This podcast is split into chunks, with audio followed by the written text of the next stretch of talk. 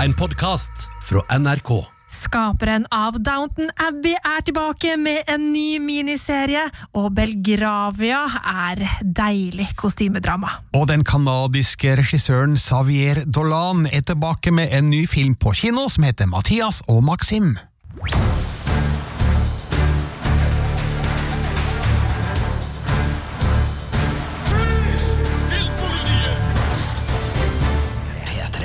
Her er Birger Vestmo, Og Marte Hedenstad. og du har sett en ny kostymedramaserie, Marte.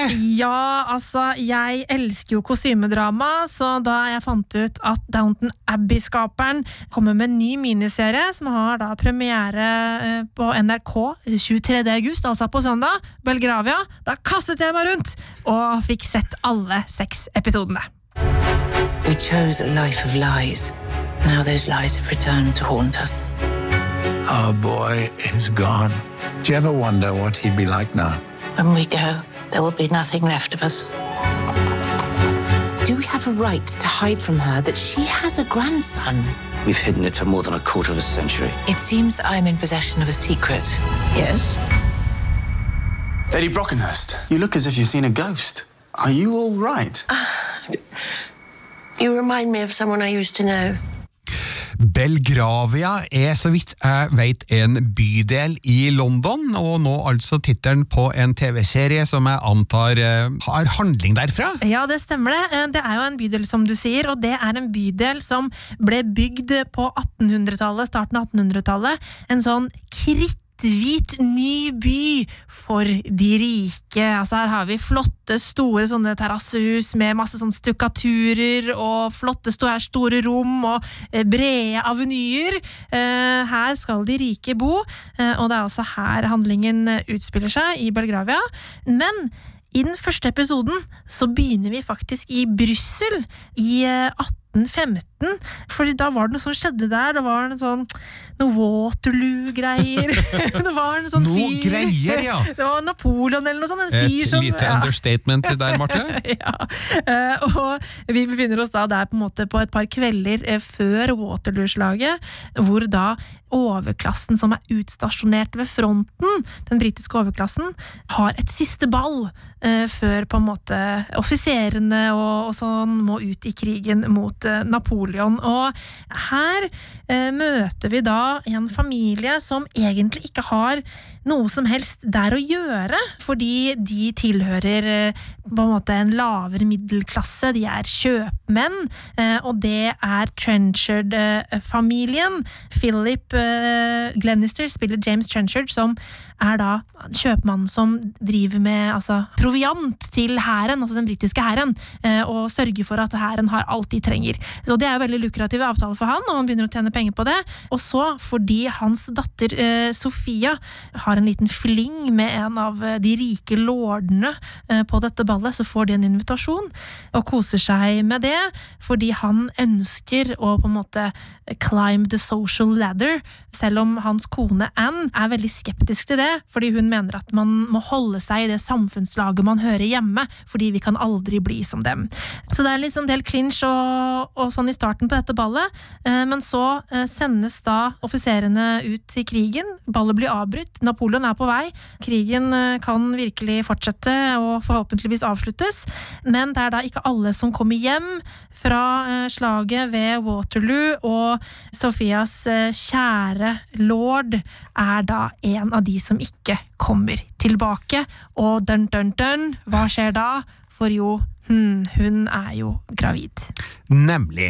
Her eh, skjønner vi at det er muligheter for store dramatiske utviklinger eh, etter hvert, men Ja. eh, blir du fanga inn i dette universet fra starten av? Ja, jeg blir faktisk det, selv om jeg har litt problemer med at det er så utrolig mange navn å forholde seg til. Men det er jo litt av poenget også, at denne familien eh, som kommer fra middelklassen, har ekstremt mange nye mennesker å forholde seg til. Eh, de har veldig mange navn å vite hvem er, og hvem som hører til hvor på den sosiale rangstigen og sånn. Eh, sånn at det, det, det på en måte går i tråd med det som utspiller seg i serien, da. Eh, Selv om jeg ble litt overveldet kanskje i starten, men så blir jeg veldig revet med i løpet av den første episoden, fordi etter dette ballet så hopper vi 26 år frem i tid. Og da eh, drar vi da til Belgravia, og Anne, som da er kona, og som egentlig er da hovedrollen fra Trenchard-familien, spilt av da Tamsin Greig, møter Harriet Walter, som spiller Lady Brockenhurst, moren til denne mannen som døde på dette slaget. Og det er liksom en sånn der aura over levd liv eh, når disse to møtes på et av de første afternoon tea-selskapene i London, som er en helt splitter ny trend som har utvikla seg. og de er fra for, for, for forskjellige samfunnslag, men Trenchard-familien har på en måte kommet litt høyere opp på strå, fordi Mr. Trenchard han har klart å bli med på den derre industrielle revolusjonens på en måte muligheter. Eh, han har investert i Belgravia-prosjektet, og er en av de som har vært med å bygge opp denne nye byen i London. Eh, Så han har blitt rik. Familien er høyere på strå, men likevel så er det veldig langt til den der adelige overklassen, og gapet mellom dem er veldig stort. Eh, Så det er en sånn nydelig scene, da, hvor eh, Anne Trenchard sitter overfor liksom Lady Brockenford, og begge to har mistet et barn. Begge to har en forbindelse med hverandre, og Anne Trenchard sitter på en hemmelighet, nemlig at hennes datter var gravid før hun døde, men hun kan ikke fortelle det til eh, Lady Brockenhurst. Og den samtalen de har, er en sånn der utrolig deilig dans, hvor de på en måte forsøker å navigere seg gjennom det derre de forskjellige ulike sosiale lagene, da, eh, samtidig som de òg prøver å nå inn til hverandre. Det er sånn utrolig bra spilt, og jeg koser meg veldig med det. Og der blir jeg fanga umiddelbart, og jeg begynner å gråte allerede i den første episoden.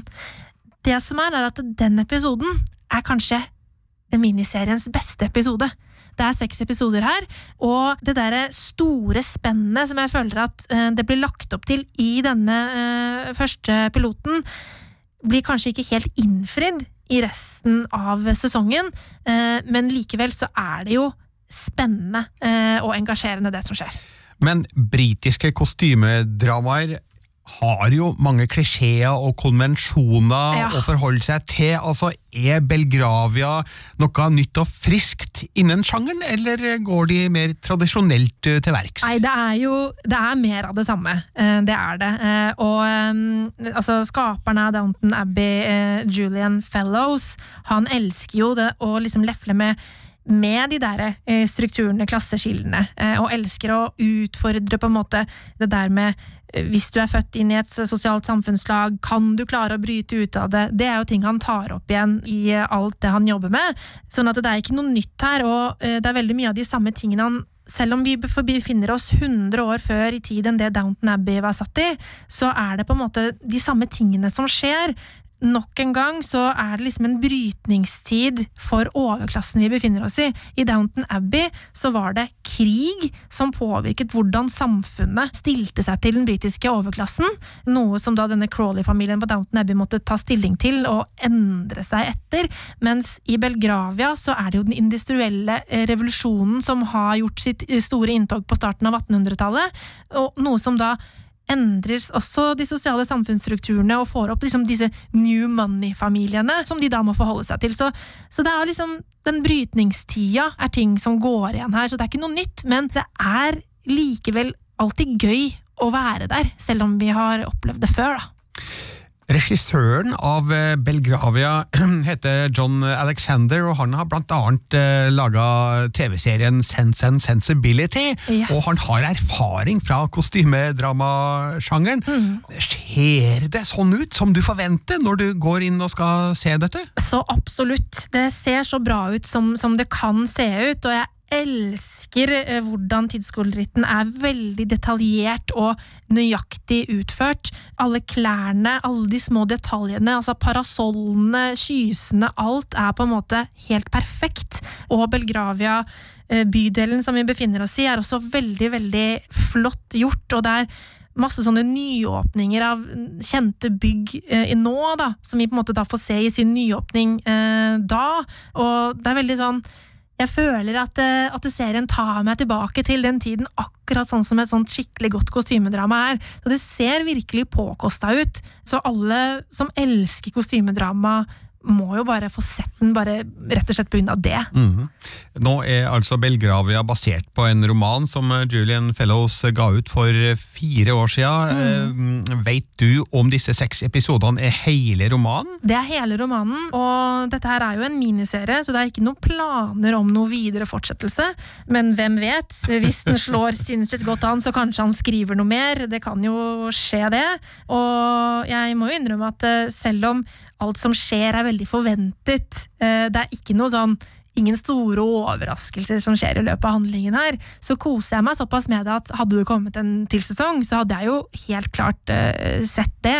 Og skuespillerne er så gode at Uh, altså Spesielt uh, Tamsin Greg og Harriet Walters sitt samspill er bare helt nydelig. De to er jo på en måte litt sånn rivaliserende, men også venner fordi de har noen sånne felles ting som binder dem sammen. og jeg kunne sittet og sett på at de to prata i sånne der flotte, store rom eller i eh, hest og kjerre i evigheter, eh, og bare hørt på de to. Eh, det er helt nydelig. Ja. jeg hadde sett på det hvis det hadde kommet en til sesong. altså må bare si, Jeg får jo lyst til å se Belgravia bare pga. de som spiller hovedrollen. Altså Philip Glenister husker jeg jo Mhm. da best eh, eh, fra serien Life on Mars, der han spilte eh, en ganske tøff eh, politimann, mens Tamsin Greig hun har spilt i masse, men jeg husker hun fra komiserien Green Wing, Ja. som er ganske spesiell eh, humor, kan vi kanskje si, men den traff i hvert fall humorsmaken min veldig godt. Ja, og det er veldig gøy, for hun er en utrolig allsidig skuespiller som, som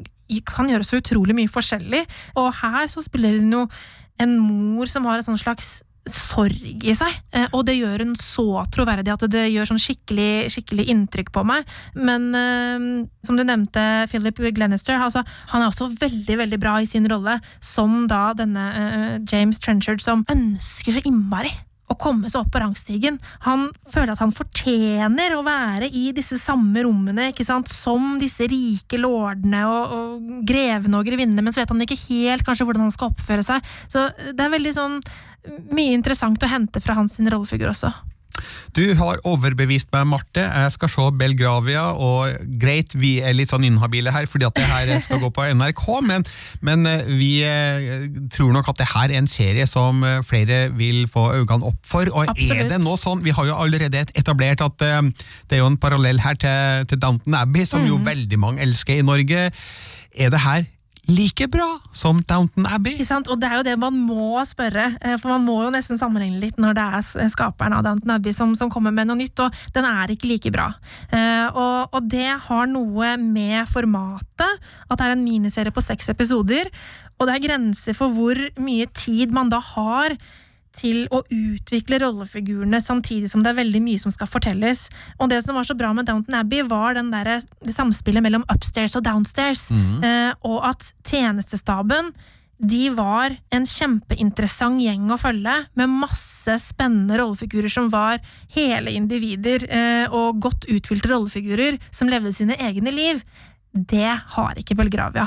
Her er tjenerne, de er tjenerne, eh, og de er veldig karikerte og fungerer bare som litt sånn verktøy for videre handling.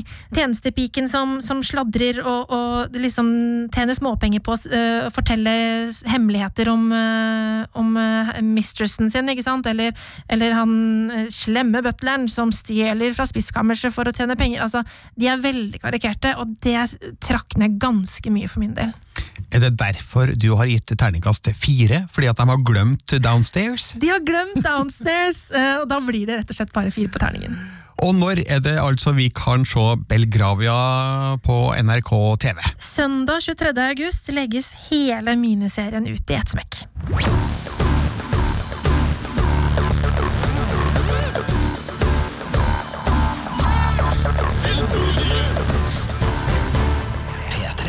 Så skal vi til en film som er aktuell på norske kinoer denne uka. Den er regissert av den unge canadieren Xavier Dolan, som jo har gjort seg bemerka på norske kinolerret tidligere, med annet Hjertebank, Lawrence Anyways og ikke minst Mamma fra 2014. Og nå heter filmen Mathias og Maxim. Est-ce que vous êtes déjà embrassé avant? Eh boy, j'ai jamais fait la vaisselle, là, ce gars. Parce que c'est ça, la scène que vous allez jouer dans le court-métrage d'Erika. Le gars qui se french. Vous s'ennuyez de temps cette semaine? Oui, c'était comment avec les gars? Euh, normal. Avant longtemps, j'ai l'intention de te donner un peu plus d'importance ici. Je pense que ça va me faire du bien l'Australie. Qu'est-ce qu'on va faire là-bas? Je sais pas. euh, changer d'air. Mathias og Maxim er altså tittelen på den nye filmen, og Xavier Dolan har kanskje en del hørt om. Han eh, har jo i mange år vært et eh, stort talent. Han er ikke fullt så ung lenger, han har nettopp fylt eh, 30 år. Og han har vært en Cannes-yndling helt siden hans eh, første spillefilmer, og har vel besøkt festivalen omtrent med hver eneste film. Og eh, det gjaldt også Mathias og Maxim i fjor, og nå er den endelig her på norske kinoer. Og jeg må si at jeg ble litt eh, skuffa, fordi eh, dette er ikke helt Xavier Dolan slik jeg har blitt kjent med han. For har man sett filmer som de nevnte Hjertebank, eh, Lawrence Anyways og, og Mamma, så har man jo eh, sett at han lager filmer med ja, heart on sleeve, heter det på engelsk. Har vi noe bra norsk uttrykk for det? Um, Med hjertet utapå skjorta? ja. med hjertet utapå skjorteermet. Nei, men altså, han går virkelig eh, til verks, og han blottlegger alle følelser og veldig åpenlyst, og bruker musikk som en viktig del av eh, verktøykista si, og han leker med formater. Det gjør han for så vidt også i Mathias og Maxim, det skal vi komme litt tilbake til. Nå har han roa seg litt ned med sin siste film, og det syns jeg ikke er et veldig heldig trekk, for det vi sitter igjen med er en litt mer tradisjonell og litt kjedelig film, som roter bort et interessant premiss. Og bare for å fortelle om premisset, så handler det da om eh, kameratene Mathias og Maxim, som da heter Matt og Max da gjennom mesteparten av filmen. Eh, Matt spilles av Gabriel Dalmeida Freitas, og Max spilles av eh, Xavier Dolan sjøl. Han er en habil skuespiller, nemlig, og gjør seg ikke bort i denne filmen heller. Det samme gjelder Gabriel Dalmeida Freitas. De er på hyttetur med vennegjengen sin, og blir utfordra av ei venninne til å spille inn en kyssescene til en kunstfilm hun lager. De har visstnok kyssa en gang før på en fest, og de blir da dara til å gjøre det igjen da foran eh, kamera. De gjør det, det vil si kameraet kutter rett før selve kysset, men etterpå så forstår vi at eh, dette kysset har trigga et eller annet i dem som eh, de ikke helt vet hva, hva er for noe. Det er noen følelser på gang her som kommer litt brått og uventa på. Så bruker de resten av filmen til å prøve å bearbeide det her på hver sin kant. Og det er vel kanskje mitt hovedproblem med Mathias og Maxim, er at um, hovedfigurene går hver sin vei etter den innledende hyttetursekvensen, og det som skjer på deres eh, kanter er ikke så veldig interessant. Vi ser altså da Matt prøve å slå seg opp i, finansverdenen i Quebec, der de bor. Eh, han eh, får da blant annet eh, ansvaret for å ta vare på en besøkende kollega fra Toronto, de drar på strippebar osv. Og så ser vi da Max, han forbereder avreise til Australia, der han skal flytte for å bo, jobbe på en bar, og han må sørge for at eh, hans eh, mor, eh, spilt av Andor Wahl, som også har spilt mammaen i Mamma, eh, at hun blir tatt vare på, og at hun får en verge som kan passe på pengene hennes, fordi hun er da en alkoholiker som trenger hjelp mens han er bortreist. Sånn at jeg føler at de beveger seg bort ifra filmens emosjonelle kjerne, altså hva er det egentlig som har oppstått mellom de to? Og um, klart, det ligger der hele veien og ulmer liksom under overflata, men uh, jeg føler at filmen da um, går glipp av det store emosjonelle senteret her, i og med at vi får så få scener med de to sammen. Jeg skal ikke si hva som skjer, selvfølgelig, men de kommer mer sammen mot slutten, og det, det kommer et slags klimaks og en slags forløsning, men jeg tenker at eh, måten filmen slutter på, går litt på bekostning av den eh, dramaturgiske oppbygginga filmen har hatt. Så det er et interessant utgangspunkt. Jeg blir nysgjerrig på disse to figurene, og hva som eventuelt har oppstått mellom dem. Men eh, jeg føler ikke at jeg får full uttelling for det. Og eh, vel, man kan jo bare tenke seg til hvordan Xavier Dolan kunne ha løst det her annerledes, og nå høres det jo ut som at jeg er en mye bedre filmskaper enn Xavier Dolan. Det stemmer jo selvfølgelig ikke, men eh, her tenker jeg at han kunne nok ha løst det her på en litt annen måte. Så jeg spør, spør deg om en ting, eh, Marte. Det her er kanskje ikke en innvending mot filmen, men eh, hele ideen om at for Vi får i løpet av filmen forståelsen av at Matt og Max har kjent hverandre veldig lenge, Mhm. altså siden de var barn.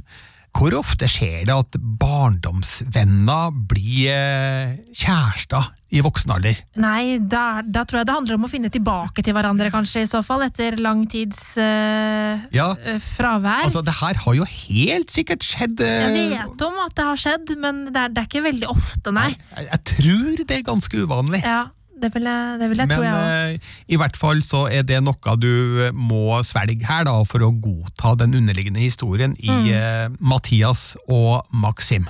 Jeg liker jo veldig godt eh, hvordan Xavier Dolan pleier å tørre å snakke om ting som ligger under overflaten, tørre å bringe tabuer opp i dagen. Eh, hvordan, hvordan gjør han det her? Ja, det er det jeg føler at han ikke gjør her. Han Ja. snakker ikke om det. Som jeg sa, det ligger, det ligger vake under Mm. overflata og blir liksom ikke tatt tak i da, ordentlig. Så eh, her gås det flere runder rundt eh, grøten enn eh, filmen har godt av, og jeg blir jo nesten litt overraska over at Xavier Dolan er såpass laidback eh, her, med den energien og innsatsviljen han har vist i sine tidligere filmer.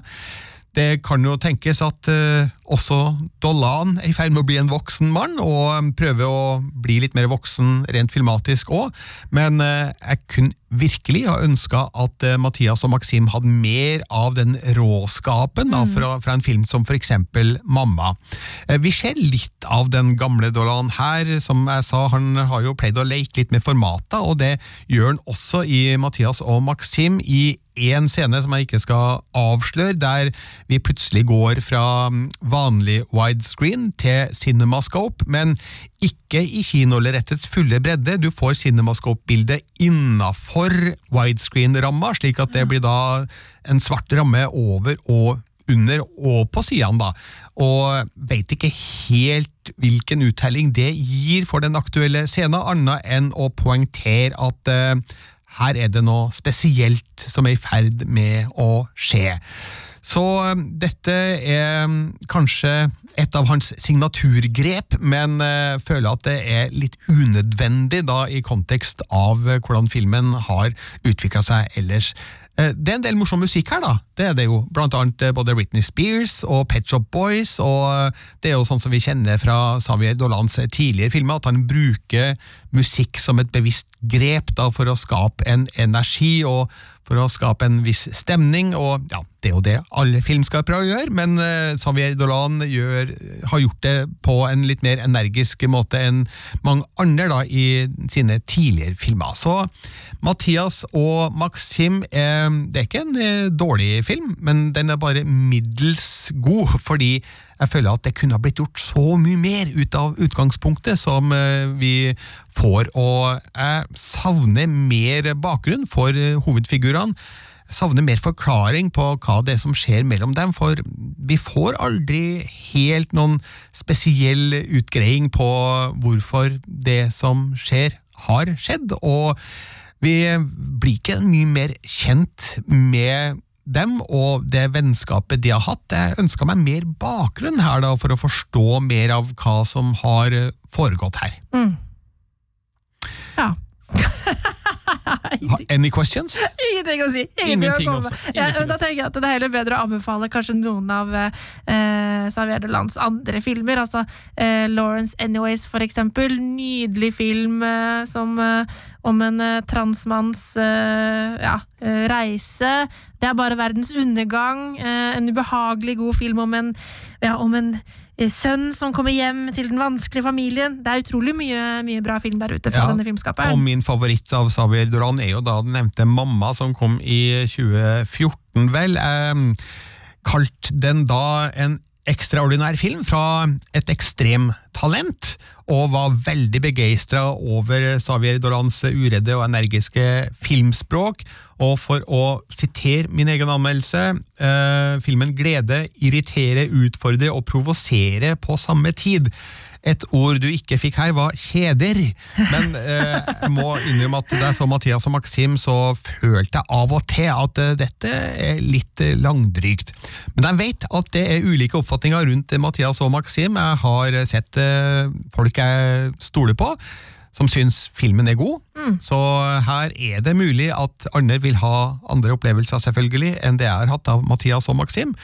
Men jeg føler at jeg kan ikke gå god for filmen sånn som den ble, og har gitt et terningkast tre. Så får vi bare håpe at Xavier Dolan eh, kommer tilbake til fordums storhet eh, med sine neste prosjekter, sjøl om nå har han hatt et par filmer på rappen som ikke har gjort det så veldig bra internasjonalt. Har det skjedd noe med at han har bikka 30, og så bare sånn Ja, da, da var det over. Eh, din, eh, din liksom sånn Ditt store talent er nå på en måte brukt opp. Nå går du jo over til å være en voksen mann med helt ok eh, Det er for så vidt ikke helt uventa i så fall, da at eh, han eh, går over i en ny fase av eh, sitt liv som regissør. altså han har jo blitt eldre, som alle oss andre, og er kanskje interessert i å lage andre typer filmer etter hvert, og det må man jo bare respektere. Man kan ikke lage en ung manns filmer karrieren ut, man må utvikle seg, og man må prøve nye ting. og det må man jo bare ha respekt for at Xavier Dolan også kan ha lyst til. Eh, Men jeg tar meg likevel i å savne den virkelig unge Xavier Dolanda når jeg ser eh, Mathias og Maxim, og tenker at eh, han kunne godt ha brukt noen av sine energiske virkemidler fra de tidlige filmene da, i eh, denne nye filmen. Så får vi se åssen det går med Mathias og Maxim. Den er i hvert fall på norske kinoer nå, i motsetning til hans eh, forrige film, The Life and Death of John F. Donovan, som aldri kom på kino i Norge, og signaliserte jo kanskje at eh, Xavier Dolan var litt sånn på vei ut, men han melder seg jo på igjen da med Mathias og Maxim, åpenbart, siden den kommer opp på norske kinoer. Så vi skal ikke avskrive han, men eh, jeg er i hvert fall litt lunken til Mathias og Maxim, og ja, den treeren, den eh, står eh, fast.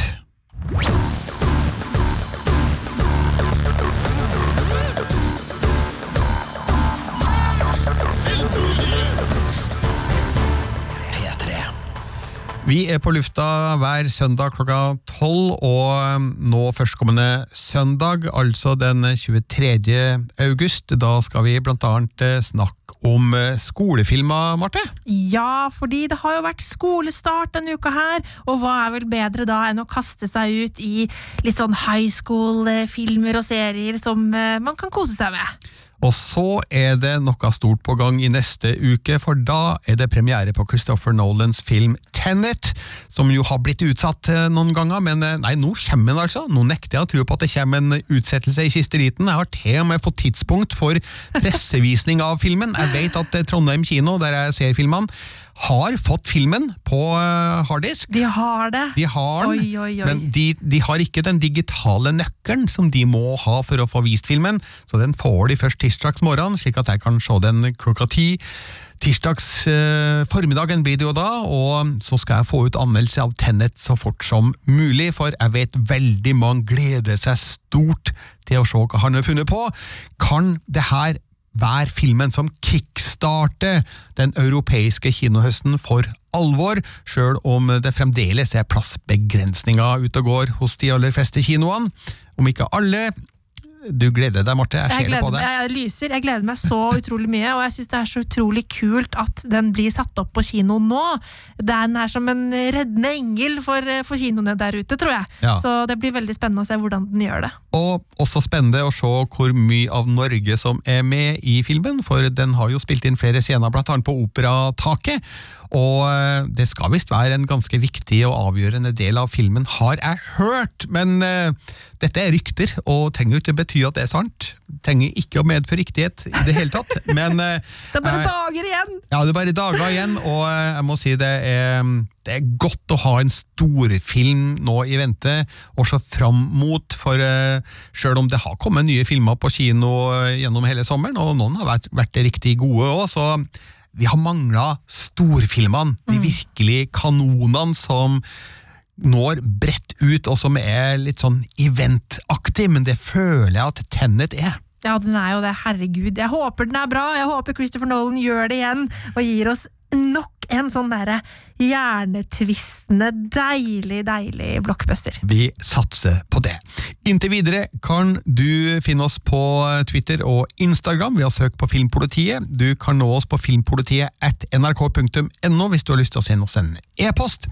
Du heter Marte Hedenstad. Og jeg heter Birger Vestmo, og takk for nå. Du har hørt en podkast fra NRK. Hør flere podkaster og din favorittkanal i appen NRK Radio.